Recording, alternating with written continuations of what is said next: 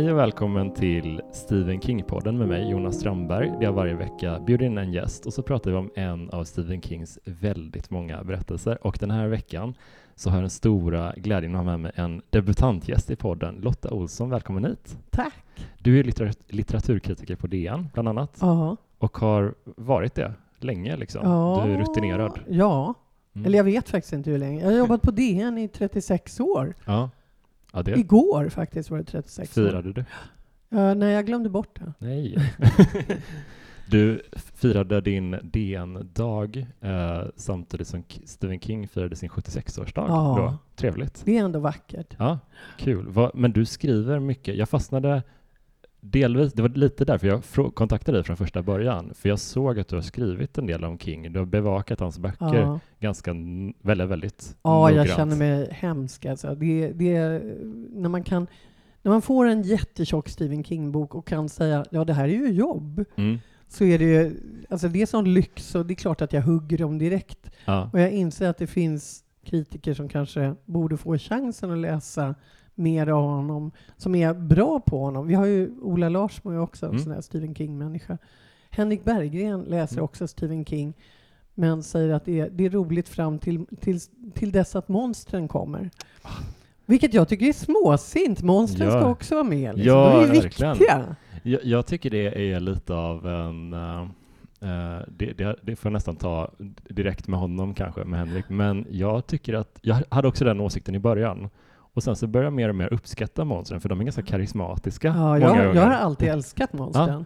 ja, men det är- Pennywise är ja. otroligt. Vilken Ja. showman. Eller showvarelse. vad, vad det nu är för någonting. Nej, kaninen i, i Varsel, The Shining, som inte finns med. Buskkaninen som Just inte det. finns med i filmen. Hur kan man ogilla kaninen? Ja, nej, men den är ju... Ja, Eller Cujo. Jag är lite... ja jag är den, är, den, är jag lite, den har jag lite svårt för. Men Ja. djurkyrkogården, Ja, den, är, Ja. den, är en, den skrämde jag slag på en kompis med. Anina Rabe som är litteraturkritiker och Mm. inte har läst Stephen King. mm. Men eh, jag berättade den för henne så att hon inte kunde sova. Och nu, sen dess har vi använt det här på slutet när frun kommer tillbaka och lägger sin jordiga tass på, på makens axel och säger ”Darling, I'm back”. Så det säger vi ofta efter semestern. ”Darling, I'm back”. Hon blir helt iskall. Ja. Fantastiskt. Gud, vad roligt. Men är det, hur är stämningen då på redaktionen mellan dig och, och Lars och Henrik? Liksom när, De är ju inte där, de är frilansare. Okej, jag förstår. Det är det som gör att jag har första tjing. Nice. Jag är nice. där och kan ta boken innan de Väldigt ser den. strategiskt. Så himla kul. Eh, vi, vi diskuterade lite innan vilken uh, berättelse vi skulle djupdyka Ja. lite i idag. Och eh, vi hittade en novell som Ja. vi båda var väldigt förtjusta i och vi kommer strax återkomma till den. Men jag skrev även till dig att jag var ganska nyfiken på hur King har behandlats i, i media och sådär, Ja. historiskt lite sådär och i Sverige framförallt. Vad, hur, hur har du sett på den utvecklingen som har skett liksom, sedan du började bevaka litteratur fram till nu? Hur, hur Det är ser en man på King? generell utveckling som har gått från att man bara, eh, att man bara recenserar och diskuterar. Alltså, jag har inget bra ord för det, men jag brukar säga finlitteraturen för att det, det, det är den enda motsatsen jag kan komma på till masslitteratur. Och Stephen King skriver masslitteratur, eller populärlitteratur. Och jag har alltid, jag har alltid ägnat mig väldigt mycket åt, åt populärlitteratur. Jag tycker det är jätteroligt. Mm. Jag älskar deckare och skräck och jag kan till och med... det- Jag har svårare för romance, men när det är bra gjort så funkar det. Mm. Och det är också någonting med att det, det har alltid setts som, som skräpgenrer. Och Ja. det, det, det gör att man kan göra nästan vad som helst i det. Jag vet att jag läste någon mysrysare, en sån där som man köper i kiosken, Mm. För kvinnor med kärlekshistorier och sådär. Som jag fortfarande kommer ihåg med en väldigt rolig katt som attackerade onda människor genom att ramla i huvudet på dem. Och Det låter ju fantastiskt. Ja, men det finns, det finns sådana här, vad ska man säga, någon slags... Det är lite som i science fiction som också är en sån här skräpgenre. Att det är jättemycket som är asdåligt. Mm. Men folk är beredda att prova nästan vad som helst. Det händer saker. Mm. Och de sneglar inte på publiken, de har Mm. bara kul. Mm.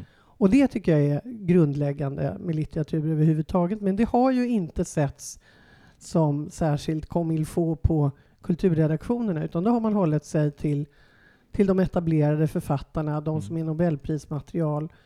Och det har, det har ju förändrats under min, yr, mitt yrkesliv kan man säga. För när jag Mm. började på DN, då var det då var det liksom postmodernism och långa texter som var ganska svårbegripliga. Det fanns jättemycket som var bra, verkligen. Mm. Men, men populärlitteraturen hade ingen plats då. Mm. Och jag tror att det är väldigt mycket Stephen King som har förändrat inställningen. Det har, det har varit en, i och för sig en genomgående rörelse i hela kulturvärlden. Att man har, man har börjat uppmärksamma tv-serier på ett annat sätt. Man, har, man diskuterar populärkultur som, som ett kulturellt fenomen och inte bara som någonting föraktligt. Mm. Men det är ju, vi, jag tror att det är Stephen King. Ja. Det, vi är så många som, som älskar hans böcker Mm. och som inte går med på att de inte ska få vara på kultursidorna. Men upplever du att det finns en konflikt, är ett starkt ord kanske, men eh, finns det en, eh, ett, ett gap mellan eh, eh, journalister som, som dig, som ändå ty- tycker mycket om Stephen King och populärlitteratur, och den äldre skolan? Sådär? Ja, det gör jag. Mm. Det, jag är ju en kuf, kan man säga, i min bransch. Det, det, ibland, ibland finns det folk som är väldigt föraktfulla och som förbryllat frågar men tröttnar du inte på sån där populärlitteratur? Eller de brukar säga deckare, Mm. för de har inte riktigt märkt att jag skriver om något annat. Mm. Och det är... Ja, men det är ju de som förlorar på det på något sätt. De Mm. missar jättemånga roliga genrer och de missar vad folk faktiskt läser. Och jag är ju, det här är ju en litteratursociologisk skola. Mm. Att man, man intresserar sig för vad folk faktiskt läser och vad det förmedlar och vad det betyder kulturellt. Mm. Och jag tycker det är jätteviktigt. Ja, ja. Om det, det, det är viktigt med poesi också som når kanske 50 personer. Det, jag tar det som exempel för att poeten Magnus William Olsson Mm. räknade någon gång hur mycket, han är ändå känd. Mm. Mm. Och han räknade efter och kon- konstaterade att tog han bort friexen, då var det 50 personer som hade köpt hans nya diktsamling. Ja. Och det, det gör inte att den är oviktig. Nej. Men man måste också, jag tycker man måste ha hela spektrat. Ja, Och det är också det där, en bra bok är en bra bok oavsett genre. såklart. Jag kommer lite från uh, in indie-världen i, eh, i Göteborg, musikscenen och så. Och där pratades det ofta på ett sätt om smalare musik och Mm. eh, mer, lite mer svårtillgänglig som eh, lite förhöjd och den populära breda popmusiken som lite motståndaren. Ja. Och jag tror att man, man hade ett mindervärdeskomplex gentemot den, tror jag. Om man gillade mycket, om man hade gillat till exempel Broder Daniel, bara för att dra ett Ja. exempel, så var man tvungen att positionera sig mot någonting, eh, det breda, Ja. som alla ändå lyssnade på. Ja, men det finns Men- ju där. Det finns ju någon slags vilja att använda kultu kulturella markörer, ska man väl säga, Mm. Som en slags ehm, ehm, karaktärsbestämningar för en själv. Jag är en sån som gillar det här. Mm. Men jag får inte vara eh, en del av den breda skocken som läser Camilla Läckberg, för det är det värsta man kan göra i Sverige. Det är för att folk, hon är den enda som folk har lyckats lära sig namnet på. Mm. Det finns mycket sämre deckarförfattare. Mm. Verkligen. Men, eh, men jag tror att det... Eller jag har svårt för det faktiskt. För mig är det det... Jag tycker det är jätteroligt att läsa. Jag tycker fortfarande att det är toppen. Mm. Jag läste Niklas Natt och Dags nya historiska roman Oh, i förrgår. jag har inte hunnit läsa den. Hur är Och den är, den är ju jättespännande. Ja, tänka Man, jag, jag har bara hört talas om Engelbrekt på historielektionerna och det har bara varit dammigt och tråkigt. Mm. Men han lyckas ju få 1400-talet att bli otroligt spännande. Det är så skickligt. Ja.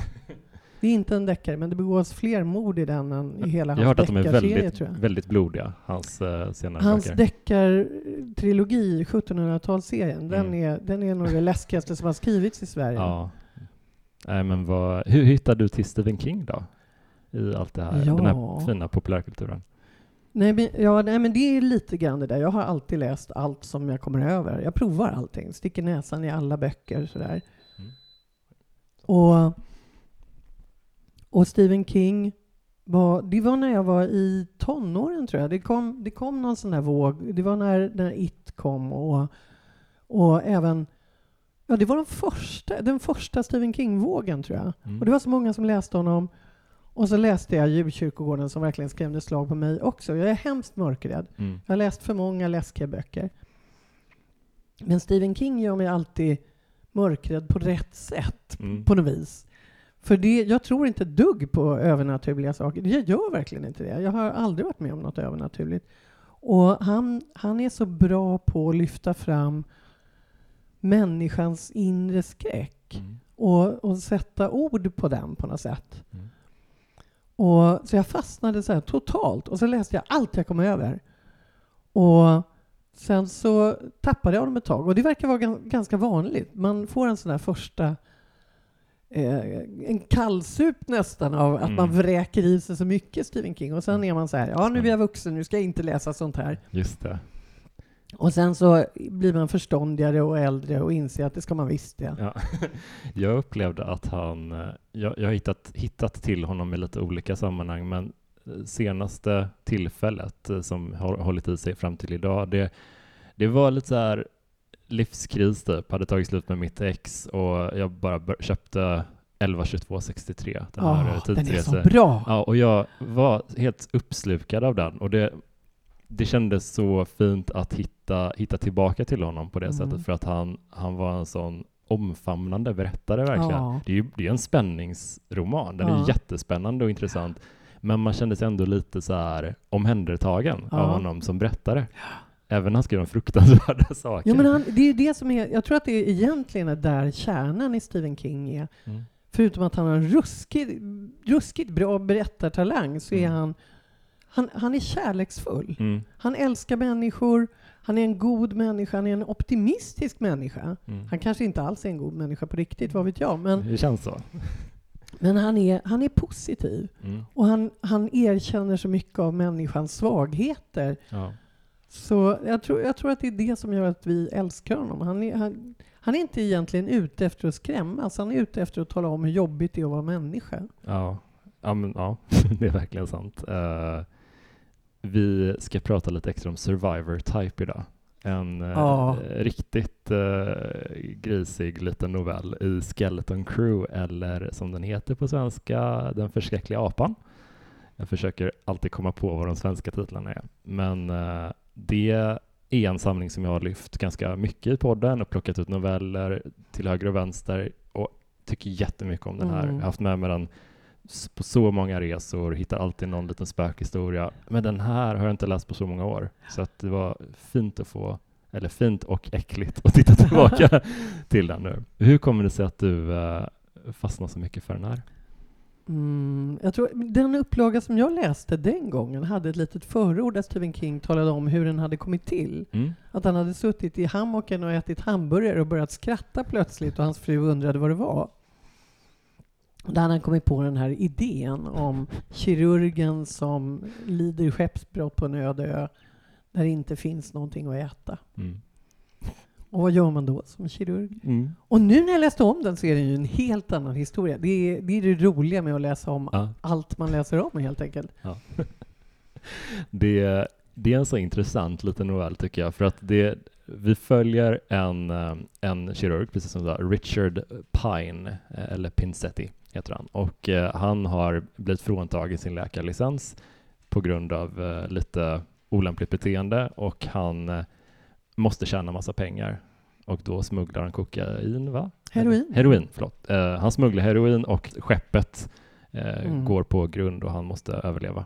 Nej, det är, det är, det är bara, de vet inte, man vet inte riktigt varför det sjunker, vet man det? När han beskriver skeppsbrottet också, men, men det är någonting med att bå, båten bara sjunker Ja, och han lyckas ta sig över i en livbåt. just det. Och han är ett sånt äckel! Ja, För han, han tittar på människorna som klamrar sig fast vid fören på båten, det stora skeppet, när, han, när, när skeppet håller på att sjunka.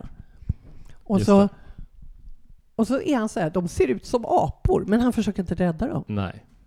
Och han är ju en sån, eh, det, är en otäck typ av läkare som man ser Ja. ibland i populärkulturen, inte så extremt alla gånger lyckligtvis, men som eh, har det här gudskomplexet Ja, och tänker att han, är, han förtjänar saker och ting. ja. Och han, är också, han, är, han har hybris, han tror att han klarar allt. Ja. Och han, eh, alltså den är skriven i eh, någon sorts dagboksform nästan Mm. eh, och är daterad och dagarna går, han får liksom inte någon mat, det finns ingenting att äta. Han lyckas dänga ihjäl en fiskmås och äta Ja, upp just vid något tillfälle, men ja, Jag, tänker ofta så här när det, eh, man läser någon spännings eller skräckberättelse och hur företagsamma eh, huvudpersonerna är. mm. Jag tänker jag skulle kanske bara ge upp ganska tidigt. ja det skulle jag också göra. ja, här, en Särskilt- fiskmås. Ja, särskilt om man bröt foten. Han Ja. bryter ju foten. Ja, Och det är väl där det eskalerar på ett hemskt tråkigt sätt. ja, För han är tvungen att amputera foten. ja. Sen spårar det ur kan man lugnt säga. Nej men det, han får inte tag i någon mer mat efter den här stackars fiskmåsen, så han, ehm, han börjar ju äta sig själv. Ja. Det, Ja, det, men det är King. Han gillar ju kannibalism. ja, ja. Det dyker ju upp även i senare böcker. Mm. Eller gillar kannibalism. Jag tror att det, han är väldigt bra på att ta itu med de här svåraste tabuna som, man, Ja. som vi, vi lever med. Jag tycker, jag tycker att amputationen är asläskigt Mm. eftersom jag har brutit båda mina fötter. Oj. Så det, jag, jag är liksom medveten om att kroppen... Var du strandsatt också då? Nej, det är strandsatt på Ringvägen ena gången Nej, och på, utanför min port andra gången. Nej, fy otäckt. Ja, ja. Eh, Det var, fanns ändå folk omkring dig. Ja, men det är någonting med att folk... eh, Liksom, jag har varit med om att folk har skurit i mig. Ja. Jag har råkat ut för kirurger. Och ja, de är ganska otrevliga faktiskt, som grupp. Men, ja otroligt generaliserande, men jag håller verkligen med. nej, men de är, de är bra. De kirurger ska ju Mm, vara sådär. De ska ju såklart. vara så... De ska vara lite omänskliga. De är Ja. intresserade av en, en som, som konstruktion. Ja, hur som fungerar människa. kroppen? Hur får man, får man den Mm. att fungera igen? Ja, just det. är det som en mekaniker. liksom. Exakt. Men jag tycker det är intressant att kannibalism är ju som du säger ett, ett riktigt grovt tabu och jag, det finns, fanns en film som kom för några år sedan som handlar om en, eh, vet, en, en kvinna som går på veterinärutbildning tror jag det är. och det är en fransk eh, skräckfilm som heter Raw och eh, hon är vegan eller vegetarian och får efterhand smak på människokött. Och den, jag hörde bara, jag så, tror jag såg 20 sekunder av trailern och hörde beskrivningen och jag kommer aldrig se den. Nej. Jag, jag klarar inte av det. Nej. Det är för, för grovt verkligen. ja. Ja, Men, Stephen King gör det ju begripligt. Ja, Stephen King gör det begripligt och han gör, drar det samtidigt ett varv till Ja. i och med att den här mannen börjar äta av sig själv. Det är så sinnessjukt verkligen. ja, men det är det där. Det, där är den där amputerade foten. Mums, mums. Ja. Nej, men det är en sån otroligt intressant idé och intressant också att han väljer att lägga den som en av drygt 30 noveller i en samling. Mm. Han mjölkar den inte och bygger en hel roman kring den utan ja, han, han låter den vara här bara. Ja. Det, det, han har ju otroligt många idéer hela tiden. Det känns som att han, det bara strömmar till honom. Mm. Men samtidigt så bara, han är, jag hade ändå velat läsa en hel, en hel roman där det här var ett... Nej, jag tycker om det här novellformatet. Han är ju strålande på noveller. Mm, ja, ja, de är ju toppen. Men han är bra på allting. Det är, Ja. det är hemskt. Men den är också Men- så återhållen på något Ja. sätt den här tycker jag. Att det, det går sig inte in på så här jättegrisiga detaljer alltid. Det, man, man får liksom måla upp och fylla i i huvudet bara. Men när jag läste om den nu, för Mm. det gjorde jag, jag gjorde det igår kväll faktiskt, Mm. och, och var så här, va? Men det här är ju inte alls en, en novell om kannibalism och en ond överläkare, eller en ond läkare som har förlorat licensen. Det här är en novell om, om eh, drogmissbruk. För Mm. han, det är ju så, han, han landar då på den här ön med rejält mycket heroin Mm. och så kommer han ju på att han ska använda heroinet när han, när han amputerar sig, för annars så kan det göra väldigt ont. Just det. Och det är tråkigt om man svimmar mitt i, för då förblöder man. Ja. Och han är hela tiden så här, ja men jag klarar det här, jag klarar det jättebra, jag vet precis hur mycket jag ska ta och jag kommer att kunna sluta med det här när jag vill. Mm. Och sen börjar även det spåra ur. Ja. Så att han tar mer och mer och eh, han inser aldrig att han inte kan sluta. Och det är egentligen det, tror jag, som, som är grunden i novellen. Att det handlar just om att är en människa sig själv nog? Och här, här blir det så otroligt konkret. Liksom, Mm. Att han börjar äta upp sig själv för att det finns inget annat. Mm. Ja, men det gör ingenting. Jag kommer att klara det här. Ja, att han rationaliserar Ja. in i absurdum, verkligen. Ja, och att det är människans hybris Ja. och drogmissbrukarens hybris. Vilken intressant, eh, jag tänkte inte riktigt på det, men det, det känns ju väl jätte, jätterimligt såklart. Alltså att, att kroppen är typ så här hans anhöriga, familj Ja. och vänner och att han bara beter sig illa och Ja. skär bort folk från sitt liv. ja, men också att han, att han just hela tiden har den här bilden av... Vi ser att han, att han går ju under. Mm. Och han ser inte det. Nej, nej, Nej. nej, det är inga problem. Jag grejer det här. Men jag tror, eh, en, en grej jag fastnade väldigt mycket i gestaltningen av honom var hur han, eh, den här, eh, ska säga, aggressiva optimismen är att ta i, men eh, beslutsamheten, Ja. det, det, det är någon sorts försvarsmekanism, kände jag, för att han, om han tillåter sig själv att bara, helvete, jag är på Ja. en övergiven ö, det finns ingen mat här, jag, jag kommer antagligen inte klara det här. Då skulle han aldrig hämta upp sig igen från Nej. den eh, gropen. Utan han måste eh, plöja framåt, typ. Ja. För honom är det det enda alternativet. Det finns inget annat än att ge, ge upp helt. Ja. Samtidigt så blir han ju han, han blir ju mindre och mindre mänsklig Ja. för varje amputation han genomför. Alltså på ett sätt som både fysiskt, att det blir mindre av honom kvar och eh, eftersom han bara fortsätter och, med de här Ja. ingreppen. Liksom.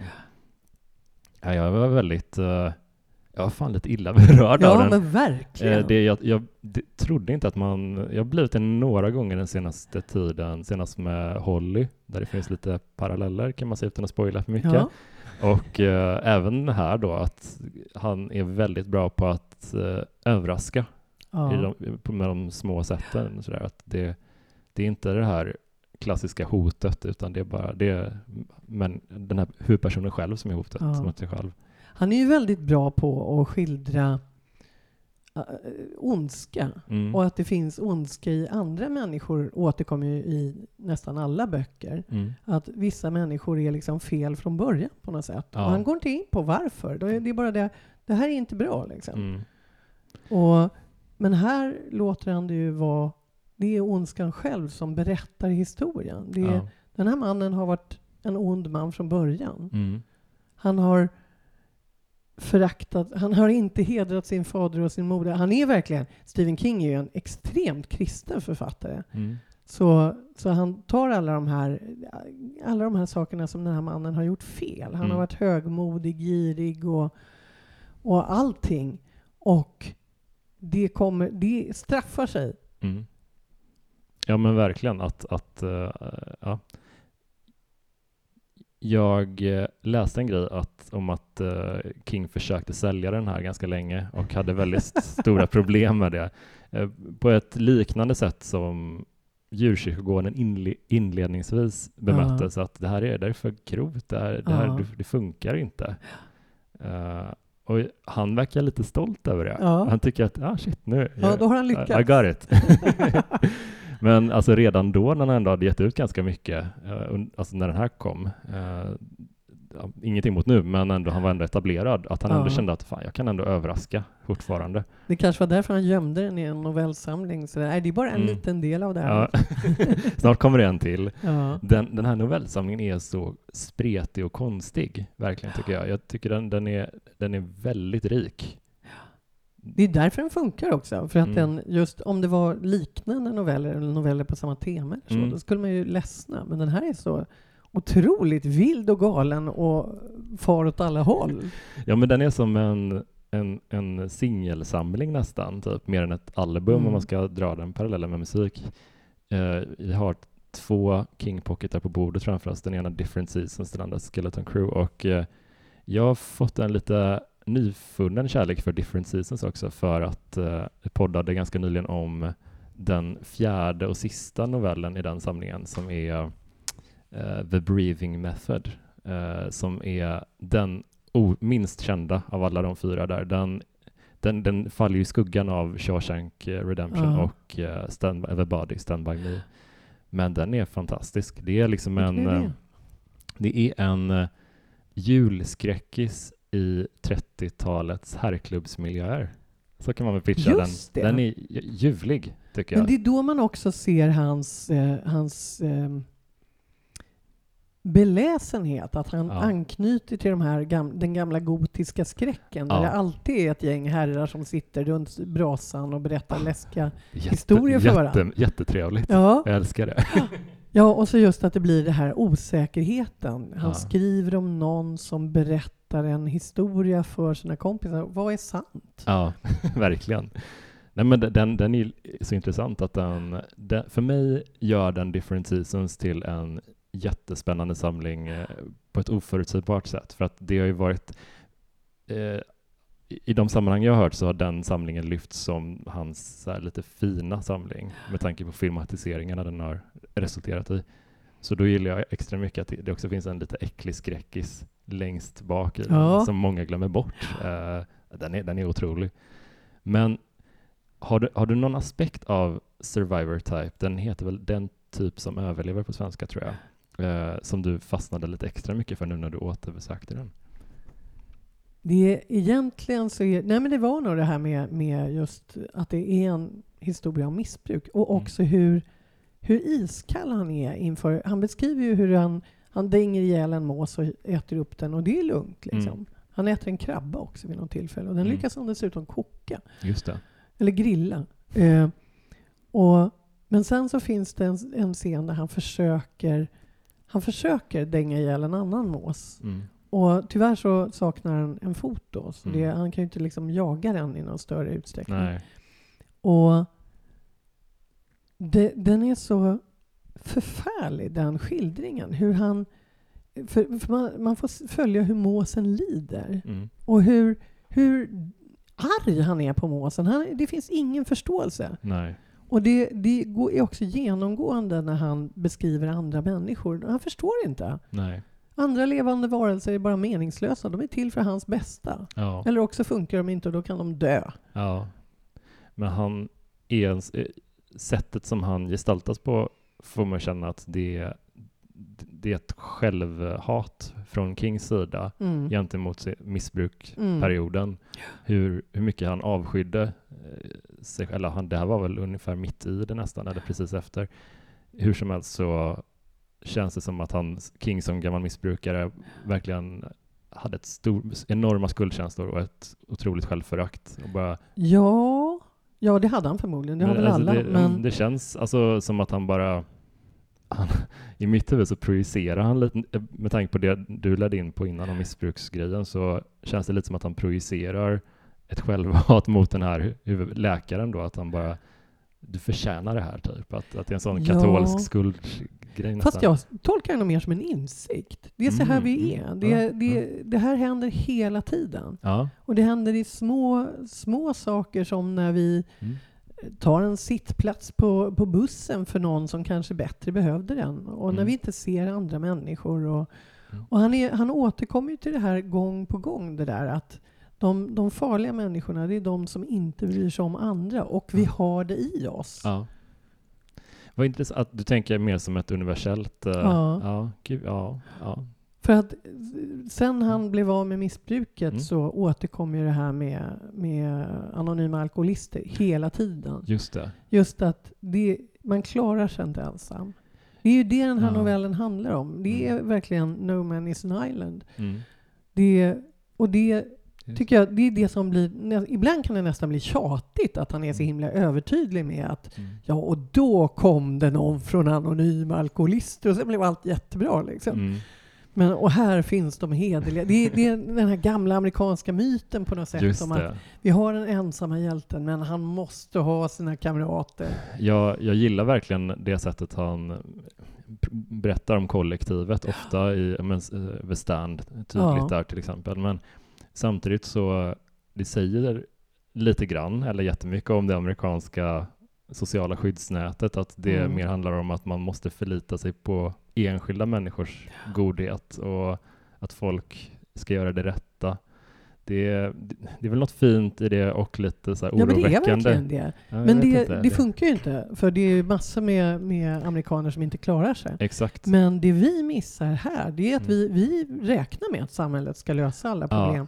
Och vi har inte alls det här som, som också återkommer gång på gång, hur alla sluter upp kring den som råkar ut för en olycka. Mm. Och det har de ju i USA. De vet Ja. att det kommer ingen från, från so- socialtjänsten eller nej. det, det är sant. man hjälper varandra, man kommer med mat, man bryr sig om. Liksom.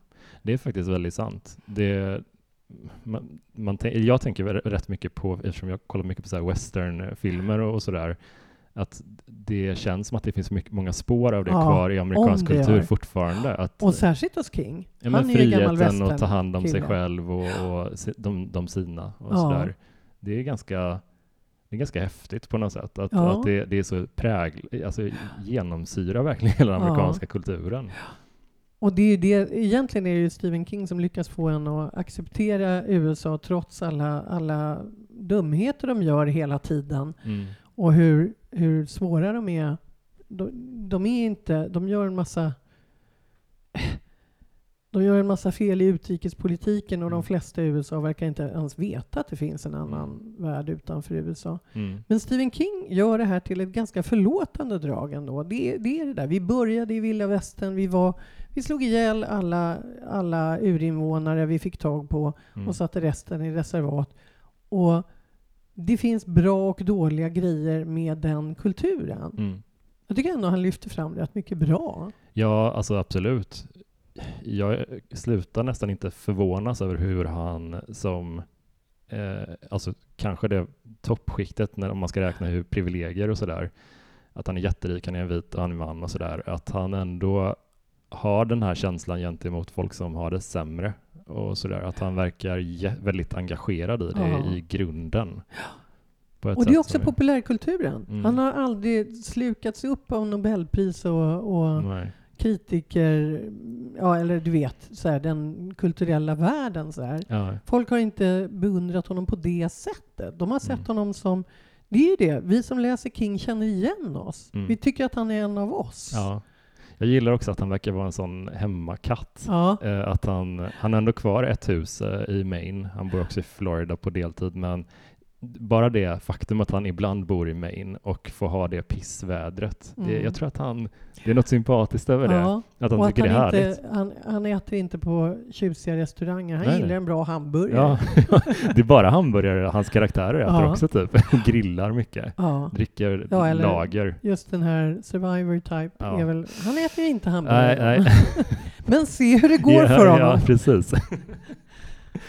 Nej, men jag, jag fastnar mycket för de små vardagliga detaljerna som känns som att ja, men King, det är så han lever sitt liv bara. Ja. Han har inte speciellt dyra, avancerade vanor. Han har inte så mycket maner på det sättet. Det är som han beskriver i, det är väl i att skriva han berättar om det här, hur han skaffar sig det här fantastiska arbetsrummet äntligen. Mm.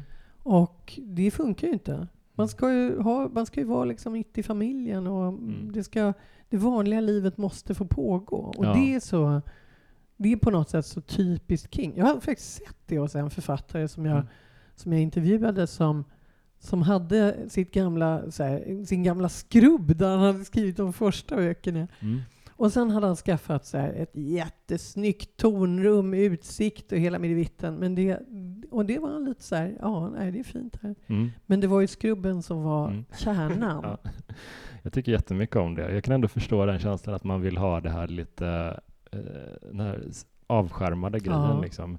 Men eh, jag känner verkligen samma, att de gångerna man försöker att göra frilansar och skriver och sådär och eh, det, jag har tillgång till ett kontor där jag kan vara, men jag gillar bara att vara hemma med min hund och sitta Ja. och skriva Ja, i soffan nej, eller vid bordet. Typ. Jag har DNs kulturredaktion Mm. att sitta på om Ja. jag vill. Ja. Jag sitter oftast hemma vid mitt köksbord. Ja, det är så, det är så trevligt. Mm. Bara brygga mer kaffe när man vill och man Ja. kan nu brygga den funkar och den Och lägga sig aldrig. i soffan och somna en stund. Ja, Det kan man aldrig göra när man är på redaktionen. jättetrevligt. Men, eh, nej, men, nej, men jag håller verkligen med. Det, det, är en, det finns en vardaglighet och en förankring i Kings berättande som är väldigt, eh, väldigt sympatiskt. Och som är väldigt, han har fortfarande kvar närheten till alla grupper, eh, eh, framförallt de här fattiga människorna. Mm. Just som i Mr Mercedes som börjar med den här jobbsökarkön. Ja. Den, det är ju liksom, det är så här, det är Steinbeck, det är vredens druvor. ja, det är helt otroligt. och, och han håller fast vid det. Han är, och det. I vår tid tycker jag det nästan är mest ex- exceptionellt för att Ja. det är så mycket av populärkulturen som handlar om att skildra rikesmiljöer som jag tycker är astråkiga. Mm, mm. TV-serien Succession var jag tvungen att sluta titta Ja, på. för det jag var såg så heller inte klart på trist, den. liksom. Det är bara osympatiska, kalla människor som har jättemycket Ja. pengar. Jag orkar Ja. inte det. Det är så tråkigt. Man vill se vanliga människor och det är det man vill läsa om också. Stephen King är verkligen den som kan skildra vardag. Alltså den scenen du beskrev om människorna i arbets... eh, Alltså, Ja. eh, för- utan, den är, tycker jag, en av de starkaste scenerna han har skrivit. Ja. Det är en, en sån otrolig öppning. Eh, Det är fruktansvärt imponerande. Ja. Det känns ju också som att han, eh, han har rätt bra folk omkring sig som han vågar släppa in. Hans, hans dotter eh, berättade min återkommande gäst Helena Dahlgren, författaren. Eh, hon berättade att eh, Naomi, hon är en typ en pastor eller präst och också så här queer-aktivist typ. Eh, så att det känns som att eh, det engagemanget, det sociala engagemanget finns i familjen Ja. på ett ja, väldigt direkt sätt. ja, samtidigt som han är han är ju ganska mossig stundtals. Det Mm. Han är ju Mm. en äldre man Mm, mm, och han har ett stundtals lite svårt sätt att beskriva kvinnor. mm. Och det gör ingenting, för man förstår varför. Det, jag har vuxit upp i, i arbetarrörelsen och där var, det- fanns det jättemånga mossiga gamla män som tyckte att kvinnorna inte hade någonting i fackföreningsrörelsen och i Mm.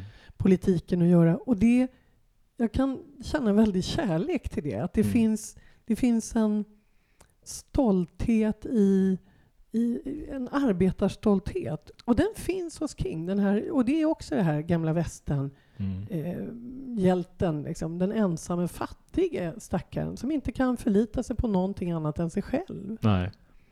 Jag läste en bok för eh, ungefär ett halvår sedan som heter Elevation. Har du läst den? Det är en, Stephen. King, ganska, den kom 2018 tror jag. Som är typ Men det en, borde jag läst den. ja, en kort, eh, kort roman, liksom typ 130 sidor kanske. Alltså den är otrolig. Ja, det är som Thinners goda tvilling kan man säga. Det handlar om en man som eh, bara tapp, han är, han är en, en stor överviktig man men plötsligt så visar vågen på betydligt mindre än vad han väger och han sjunker i vikt liksom, utan någon förklaring riktigt. Men hans kropp är lika stor, men han väger mindre. Så att den är en sån, utan att spoila någonting så tycker jag det är en sån fin skildring av att vilja lämna över facklan. Eh, har den satt sig lite i efterhand för mig att det känns som att King är ganska han, han gör så gott han kan och sen Mm. så han, han försöker lite pass it on till nästa Mm. generation nu när han är 76 då att han och han har ju levt ett stökigt liv tidigare även om han är ganska renlevnadsmänniska senare åren. Så den, den tycker jag visar ändå på någon sorts acceptans liksom efter, äh, mot att det finns en generation som är Ja. eh, har en annan livs, alltså uppfostran och livssyn och sådär än jag och jag kommer nog aldrig till 100% förstå den, men det är okej, typ. ja, precis. Så Just det här att han faktiskt han respekterar folk på ett sätt som, som de flesta äldre män inte lyckas med. Ja, Och även inte äldre ja. kvinnor heller. Jag vill framhålla att det här är inte någonting som är unikt för män. Nej men verkligen att han, eh, han gör, går så långt han kan själv Ja. och sen så har han en, det som den här, eh, den här bönen, the serenity, det finns någonting, ett svenskt ord för det också. Eh, den här som man eh, ger mig, eh, Sinnesrobönen. ja så heter den ja. Det känns som att han applicerar den rätt mycket på sitt Ja. eget liv. Ja, verkligen. Och den är ju central bland anonyma alkoholister. Så, och det, jag tycker att den här... Jag är väldigt förtjust i hans religiösa sida. Att han, är, Mm. att han också är så eh, osäker. Det, finns någon, det dyker upp i någon hemsk bok som, av, från senare år som jag inte kommer ihåg vad den hette. Men där huvudpersonen ser evigheten. Ja, eh, Och det är... revival, Ja, väckelse. just det. Mm. Och, och det är fasa. Mm. Och vad gör man då? Nej, man fortsätter att leva så bra man kan. Man Ja. fortsätter att leva som om det funnes en annan evighet. Ja. För det är det enda man kan göra. Ja. Och det är på något sätt anonyma alkoholisters centrala eh, tes. Att man, man måste göra det bra idag. Mm. Det är det man kan göra. Mm. Ja, det är, jag är väldigt intresserad av hans eh, tro och sådär och hans sätt att gestalta tro. Det, det sker ju på ganska olika sätt. Mm. Om man jämför med Mother Abigail från Pestens tid och eh, Mrs Carmody från The Mist. Det är Mm. väl de två ytterligheterna som ligger top of mind. Eh, Ja. Att det är ju två personer som identifierar sig som kristna men applicerar det på helt olika sätt i sina Ja. liv. Jo, men det är ju, han, han är ju tydlig med det som, som väldigt många andra är också. Att religion och kyrka är två mycket, mycket olika saker. Mm. Och man kan använda tron på helt fel sätt. Och det finns många som gör det. Mm. Men att, man hela tiden, att han hela tiden landar i sig själv i det här, vad ska man säga, det, eh, den inre, inte övertygelse, för det är något annat, men den här, den här känslan av vad som är rätt. Att man faktiskt, vi har det i oss. Vi har det här, de här möjligheterna att vara goda människor. En del gör inte det. Mm. De använder dem inte. Mm. Och då, det är farligt. Ja, verkligen. alltså, Ja. Den tråkiga och simpla tolkningen av Stephen Kings Mhm. otroligt spännande böcker. Nej. Ja, nej, men det handlar om att vara en god människa. Nej, men jag, jag tror verkligen att det är så. Att För Ja. att det är svårt att vara en god människa Ja. och alla nästan kämpar ju på och försöker. Det är ju väldigt, väldigt få där ute som vill illa aktivt och har en medvetet ond avsikt. Mm. Så att det, det är väl han, han väl mycket bättre på att skildra än väldigt, väldigt många andra, Mm. skulle jag säga. Och det, Samtidigt som han, han det, kan, det är möjligtvis där jag skulle kunna vara kritisk mot Stephen King. Mm. Att, han, att han är väldigt tydligt definierar när man är ond och då vägrar han att förstå. ja, För eh, jag tänker på den här em, fängelsevakten som är så förfärlig i The Green Mile. ja, Percy. Ja, Ja, som, det finns ju ingen förklaring på honom. Han är bara, han är bara hemsk. ja han, det är bara så, sånt han är skapt, Ja. typ. Ja, han har ju verkligen inga förmildrande drag Nej. alls. Och samtidigt så finns det, jag kan se att King har en poäng också. Att Mm. det är även, man får inte förstå ondska för mycket. Nej. Så då känner jag, ursäktar man den. Ja, jag känner så med, eh, har lyft det i podden tidigare, men hur Henry Bowers i It, den här mobbarkillen, hur han gestaltas i den, eh, den här filmen från 2017. Eh, jag tycker att det gränsar lite till att ursäkta hans Ja. sadism eh, genom att visa hur pappan är en elak eh, polis eller militär eller vad han är, liksom, som också slår sin son. Mm. Jag känner att det är klart att man kan berätta om det också, men han, det är en elak unge. Ja, det finns blir elaka något- ungar också. Ja, precis. Och det blir någon slags determinism i det där. Att man, att man är så här, ja, vi gör bara det vi kan göra. Vi har inget fritt val. Exakt. Det kan ju stämma, men man måste ändå hela tiden handla som om man har ett fritt val. Och man kan välja bort ondskan om man, Ja, jag man hade, anstränger sig. ja, jag hade tyckt det var intressantare i det fallet, att, för det tycker jag inte boken It lider av på samma sätt, men i filmen hade det varit intressant att låta pappan vara en ganska vanlig pappa Mm. som har ett, som kanske är, inte är jätteuppmärksam eller som inte har koll på vad hans son håller på med, men han är inte en elak sadist i alla fall, Mm. utan det som pappor kanske är mest, och ändå har han fått ett sånt hemskt barn. Det Men hade varit intressant nästan. Fast det samtiden har, samtidens populärkultur styrs väldigt mycket av en gammal psykoanalytisk inställning, skulle Mm. jag säga. Mm. Jag ser det jättemycket i deckarna. Deckare är ju det jag nästan kan mest om, tror jag. Och jag skulle säga att den psykoterapi som numera inte är så vanlig, att Mm. man använder den typen av psykoterapi där man gräver i sitt förflutna, Mm. den har tagit steget över till populärkulturen. Det är där den finns. Ah. Där man hela tiden ska förklara hur, hur alla har blivit det de har blivit. Och man, det blir ett ursäktande. Mm.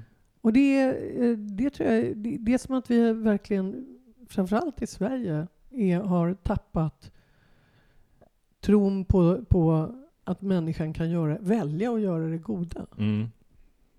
Ja, för det, det handlar ju inte om ett skuldbeläggande på det sättet, utan det är ju att man snarare visar att alla har potentialen. Ja. Det, är, det, det är så narrativet borde se ut, Ja. känner jag väl också. Att det är bara, istället för att bara belasta någon att du har valde fel. Det är inte det. Det är inte Nej. det berättelsen handlar om.